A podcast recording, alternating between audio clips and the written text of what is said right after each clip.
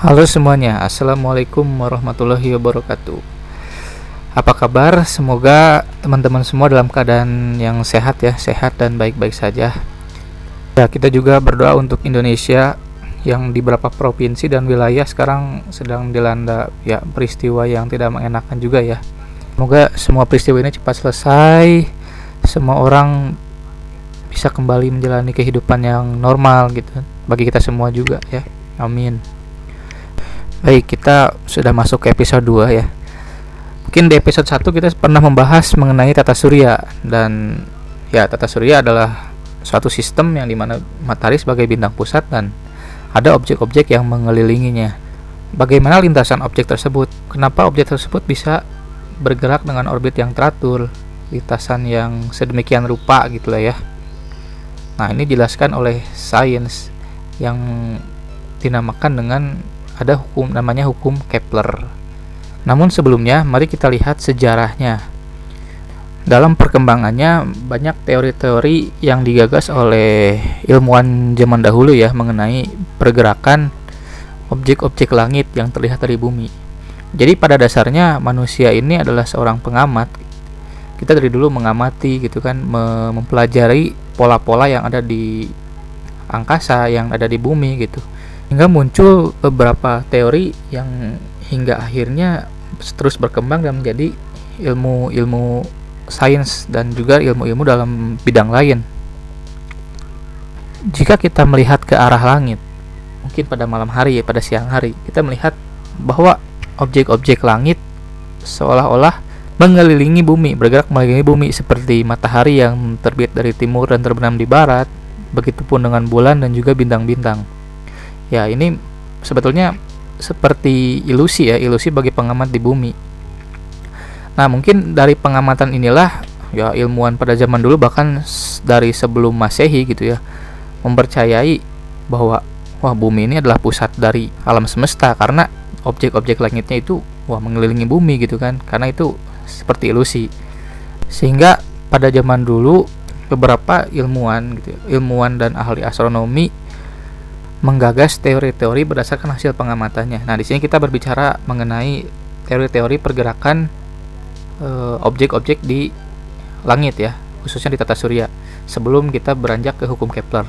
Nah, yang pertama ini ada teori geosentris ya, teori geosentris yang mungkin kalian sudah pernah mengenal teori ini yang dikembangkan oleh Ptolemeus ya.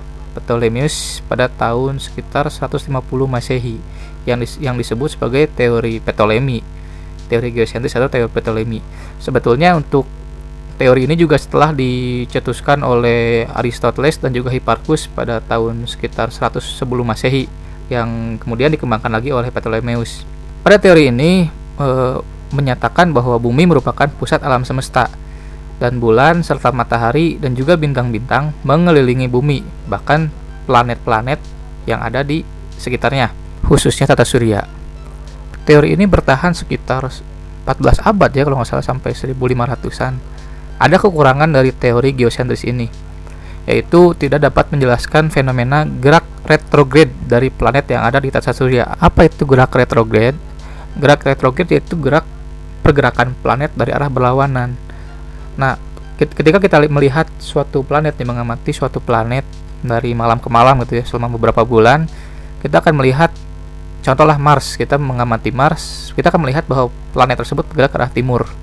Namun pada saat tertentu, ada kalanya planet ini bergerak kembali mundur ke arah barat. Ini terjadi pada kondisi planet superior akibat adanya perbedaan kecepatan orbit antara bumi dan planet superior.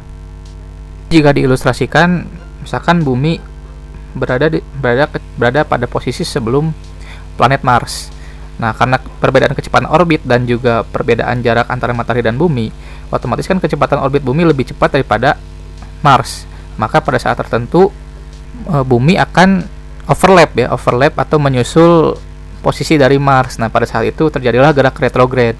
Dan jika pada saat garis lurus matahari, bumi dan misalkan Mars itu yang dinamakan dengan oposisi mungkin jika belum terbayang teman-teman bisa mencari ilustrasinya di buku-buku ataupun juga di YouTube sekarang banyak ya sumbernya nah kemudian Ptolemeus juga membuat nih membuat penjelasan mengenai gerak retrograde ini dan memodelkannya dengan cukup akurat pada masa itu dengan banyak keterbatasan ya pastinya sebelum ada teleskop sebelum ada kecanggihan apa pun gitu. Ptolemeus menjelaskan dan menuliskan pada bukunya bahwa planet selain melakukan revolusi terhadap bumi atau pergerakan mengitari bumi, planet ini juga melakukan pergerakan melingkar dalam lingkaran kecil yang disebut dengan epicycle. Nah, planet ini bergerak dalam lingkaran kecil yang mengitari suatu pusat bernama ekuan. Ekuan ini berupa pusat massa kecil. Jika diibaratkan itu seperti pergerakan bulan pada saat ini ya. Jadi bulan selain melakukan revolusi terhadap matahari, dia pun melakukan revolusi terhadap bumi. Jadi dia berputar terhadap bumi dan juga berputar terhadap matahari. Nah, seperti itulah gambaran mungkin untuk planet dan penjelasan mengenai gerak retrograde pada zaman teori geosentris. Sebelum geosentris sebetulnya ada juga teori yang menyatakan bahwa manusia ini sebagai pusat, yaitu teori egosentris ini lebih ekstrim lagi. Nah, pada akhirnya setelah 14 abad berlalu, pada tahun 1500-an muncullah gagasan baru nih mengenai pergerakan planet di tata surya Nah, teori ini disebut dengan teori heliosentris yang digagas oleh Nicolaus Copernicus asal Polandia pada tahun 1543 Masehi. Nah, sebetulnya teori ini juga pernah digagas oleh astronom-astronom Yunani sebelumnya seperti Pythagoras, Aristarchus, dan lain-lainnya gitu. Namun pada saat itu teori geosentris masih masih dipercayai orang banyak gitu. Jadi tidak mendapat tempat lah teori heliosentris ini.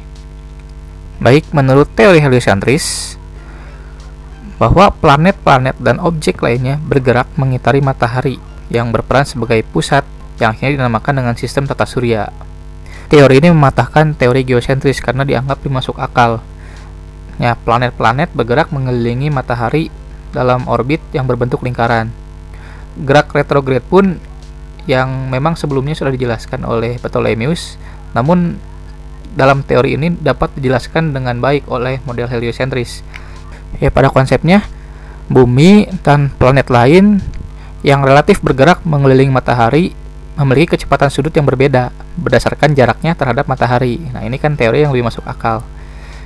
Meskipun begitu, teori ini masih memiliki kekurangan yaitu orbit planet ternyata berdasarkan pengamatan tidak lingkaran sempurna karena pada waktu tertentu memiliki jarak yang berubah-ubah terhadap matahari. Nah, kemudian pada 1600-an Teori ini dikembangkan dan disempurnakanlah oleh ilmuwan matematikawan sekaligus astronom bernama Johannes Kepler.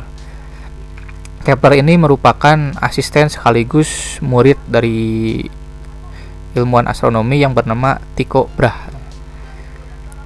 Kepler menjadi asisten dan mengamati pergerakan-pergerakan objek di langit. Pada saat itu belum ada teleskop, sehingga Tycho Brahe itu menggunakan instrumen pengamatan yang besar, instrumen pengamatan raksasa berupa geometri perhitungan untuk pergerakan langit. Ya mungkin ada sudutnya ada untuk mengukur kecepatan dan lain-lain. Pada tahun 1601 Tycho Brahe meninggal dan Kepler menggantikan kedudukannya sebagai kepala astronom di situ ya sebagai astronom juga. Dan Tycho Brahe ini meninggalkan catatan-catatan serta tabel pengamatan selama bertahun-tahun. Nah, dipelajarilah oleh Kepler. Kepler pada saat itu terobsesi dengan planet Mars. Ya, sangat tertarik lah untuk mengamati gerak tak gerak yang tak beraturan dari planet Mars. Pada akhirnya, eh, berapa selama beberapa waktu Kepler mengamati pergerakan planet Mars dengan referensi-referensi dari catatan Tycho Brahe dan juga tabel pengamatannya diperoleh hasil berdasarkan analisis matematika, analisis astronominya secara serta fisikanya gitu. Bahwa lintasan orbit planet ini bukan lingkaran sempurna seperti yang dikatakan oleh teori heliocentris, melainkan bentuknya elips. Nah, inilah awal mulanya tercipta hukum Kepler. Jadi dari hasil pengamatan dan analisanya mengenai gerak planet diperoleh tiga hukum yang hingga sekarang dinamakan dengan hukum Kepler. Baik, kita mulai masuk ke hukum Kepler. Pertama kita akan berbicara mengenai hukum satu Kepler. Hukum satu Kepler disebut juga dengan hukum elips atau law of ellipse. Nah, hukum ini menyatakan bahwa the orbit of the every planet is ellipse with the sun at one focus. Jadi orbit setiap planet mengitari matahari bergerak dalam lintasan elips dengan matahari berada di salah satu titik fokusnya.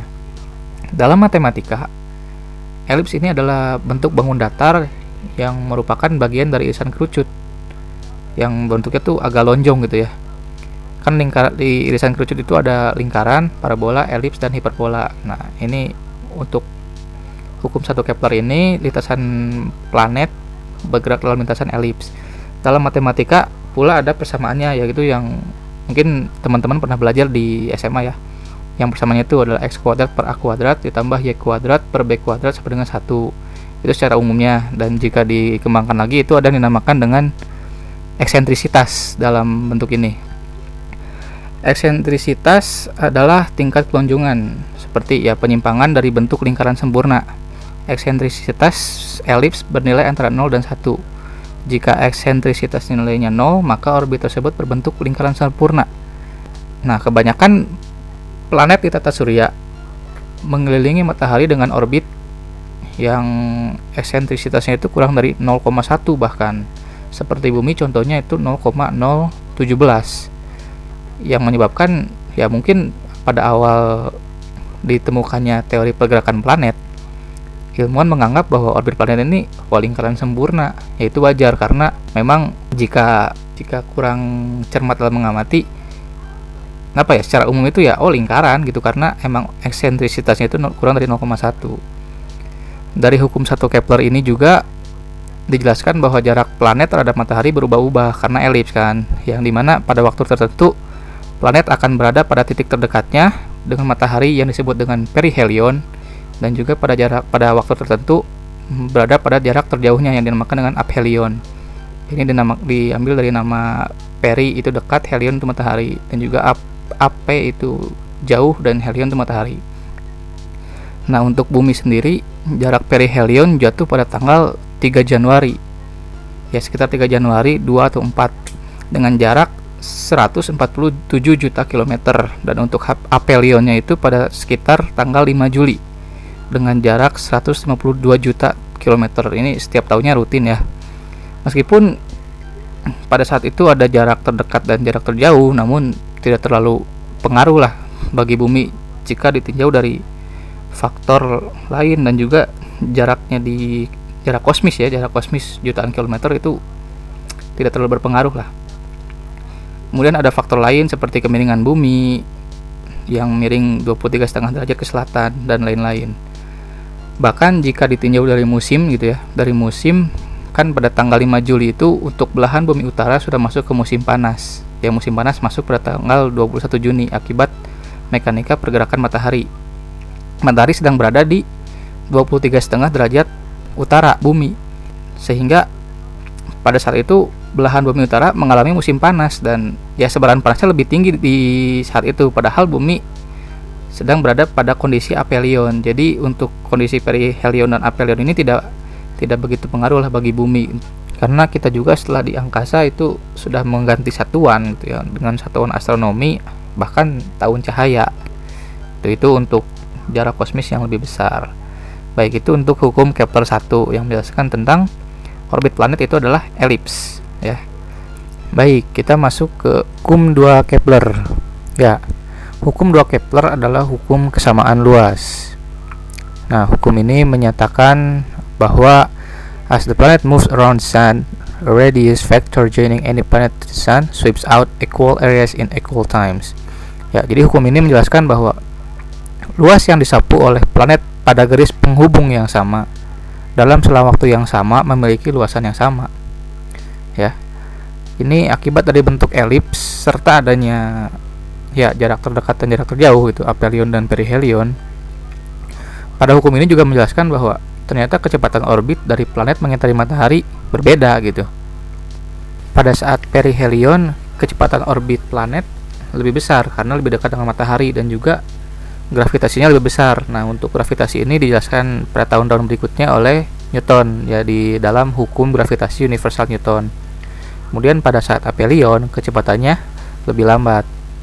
Nah, sederhananya ini luasan yang disapu oleh planet pada perihelion dan aphelion itu sama gitu pada selang waktu tertentu.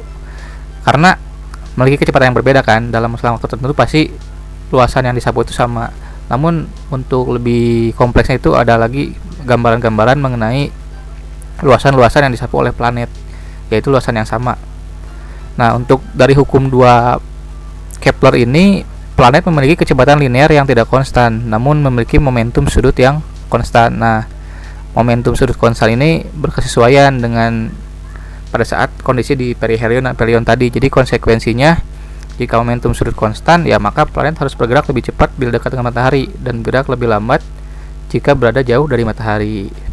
Dari kedua hukum Kepler ini dapat menjelaskan fenomena ya variasi kecerlangan dari planet serta gerak retrograde dan prograde dengan lebih baik itu karena ya sesuai dengan fakta di pengamatan. Nah, itu untuk hukum kedua Kepler. Kemudian untuk yang hukum ketiga ini hukum terakhir yaitu dinamakan dengan hukum harmonik, law of harmonic. Yang menyatakan bahwa the squares of the orbital periods of the planets are directly proportional to the cubes of the semi-major axis of their orbits. Pada hukum tiga ini sederhananya menjelaskan bahwa kuadrat periode revolusi suatu planet berbanding lurus dengan pangkat tiga jarak rata-ratanya. Nah, jadi untuk persamaannya ini konstan ya. Jadi kita bisa menggunakannya untuk mencari periode revolusi ataupun jarak rata-rata dari matahari planet lain jika salah satu periode revolusi planet diketahui gitu dengan jarak dengan jaraknya terhadap matahari. Contoh misalnya kita membandingkan antara bumi dan Merkurius atau bumi dengan Mars dan lain-lain. Ini juga lumrah ya di soal-soal mungkin di SMA gitu kalian pernah belajar ya teman-teman juga hukum 3 Kepler juga menjelaskan semakin jauh jarak planet maka semakin lama juga periode revolusinya. Jadi ini dari hukum Kepler ini dari ketiga hukum ini saling ber, ber, berkaitan gitu ya dan juga emang masuk akal dan juga sesuai dengan fakta sebenarnya gitu ya. Jadi wah ini pengamatan yang dilakukan oleh Kepler gitu ya dan juga Tycho Brahe bisa dibilang cukup akurat pada masa itu dengan mungkin ada keterbatasan ya dan juga belum ditemukannya teleskop untuk mengamati ya pergerakan planet dan juga objek langit dengan lebih detail. Hingga sekarang pun hukum ini dijadikan salah satu dasar untuk perhitungan pergerakan benda langit. Baik itu mungkin di tata surya dan sistem bintang lainnya untuk mengukur periode revolusi planet dan juga jarak planetnya terhadap bintang induk. Ya, sebagai tambahan, teleskop baru ditemukan sekitar 1610 Masehi oleh Galileo Galilei. Hukum Kepler terbit ya sebelum penemuan teleskop ditemukan gitu sekitar 1609 Masehi. Nah, mungkin ini sedikit tambahan bahwa hmm, hukum Kepler berkesesuaian juga dengan hukum gravitasi universal Newton pada tahun 1687. Jadi, Newton itu menggagas teori gravitasi dan ketika Newton melakukan penurunan rumus, nah persamaan-persamaan ini sesuai dengan hukum Kepler. Nah, hukum gravitasi universal berbunyi The attraction of gravity is weakened with the square of the distance tarikan gaya gravitasi dari dua benda bermasa melemah terhadap kuadrat jaraknya. Nah, ini berlaku nih untuk untuk planet dan juga matahari. Jadi matahari dan planet-planet di sekitaran tata surya itu mm, saling tarik menarik satu sama lain karena masing-masing kan memiliki massa nih. Nah, benda bermasa itu saling berinteraksi satu sama lain. Ya, saling tarik menarik lah ya akibat tarikan gravitasinya masing-masing. Nah, kemudian hmm, kenapa kan gravitasi itu saling tarik menarik ya tapi kenapa planet tidak jatuh ke matahari karena matahari kan memiliki massa yang besar nah ini dijelaskan karena planet yang mengitari matahari ini memiliki kecepatan orbit tertentu. Jadi tidak diam gitu tidak pasif lah. Kalau pasif ya otomatis dia akan ketarik ke pusat matahari. Namun akibat dari adanya kecepatan orbit tertentu mereka bergerak dengan teratur ya dengan irama yang teratur gitu pada orbitnya mengitari matahari. Demikian juga itu berlaku untuk satelit yang mengelilingi planetnya. Nah, akibat dari pergerakan ini ya seperti ada timbul gaya pengimbang yang dinamakan dengan gaya sentripetal. Dan konsep inilah Newton menurunkan persamaannya. Jadi dalam persamaannya itu kita bisa menurunkan gaya sentripetal sama dengan gaya gravitasi. Setelah dilakukan penurunan secara matematis dari konsep ini, ya dari persamaan ini, maka diperoleh kesesuaian dengan hukum Kepler. Ya, yang pertama, kita memperoleh hukum tiga Kepler ya pada akhirnya diperolehlah kuadrat periode revolusi berbanding lurus dengan pangkat tiga jaraknya terhadap matahari. Kemudian yang kedua nah kecepatan linear dari orbit planet berbanding terbalik dengan jaraknya terhadap matahari. Nah ini pun sesuai dengan hukum kedua Kepler yang di mana e, kecepatan orbitnya itu ya kecepatan orbit planet pada saat perihelion lebih cepat daripada apelion dan juga untuk planet yang jaraknya relatif lebih dekat dengan matahari bergerak lebih cepat sehingga periode revolusinya pun lebih cepat ya seperti Merkurius lebih cepat daripada bumi, Venus lebih cepat daripada Mars dan seterusnya. Nah, ini sangat berkesesuaian sekali antara hukum Kepler dan juga hukum gravitasi Newton. Baiklah, sekian pembahasan pada episode 2 ini mengenai hukum Kepler. Semoga bisa bermanfaat, menghibur, dan juga menambah informasi serta wawasan teman-teman ya. Terima kasih bagi yang sudah mendengarkan dan mampir ke podcast Andromeda. Mohon maaf jika ada penyampaian yang salah. Jika ada kritik, koreksi, saran, dan request, bisa DM di Instagram at zulfansya29 ataupun di Twitter at samurai underscore zul. Sampai jumpa di episode berikutnya untuk obrolan menarik lainnya mengenai dunia astronomi dan sains. Assalamualaikum warahmatullahi wabarakatuh.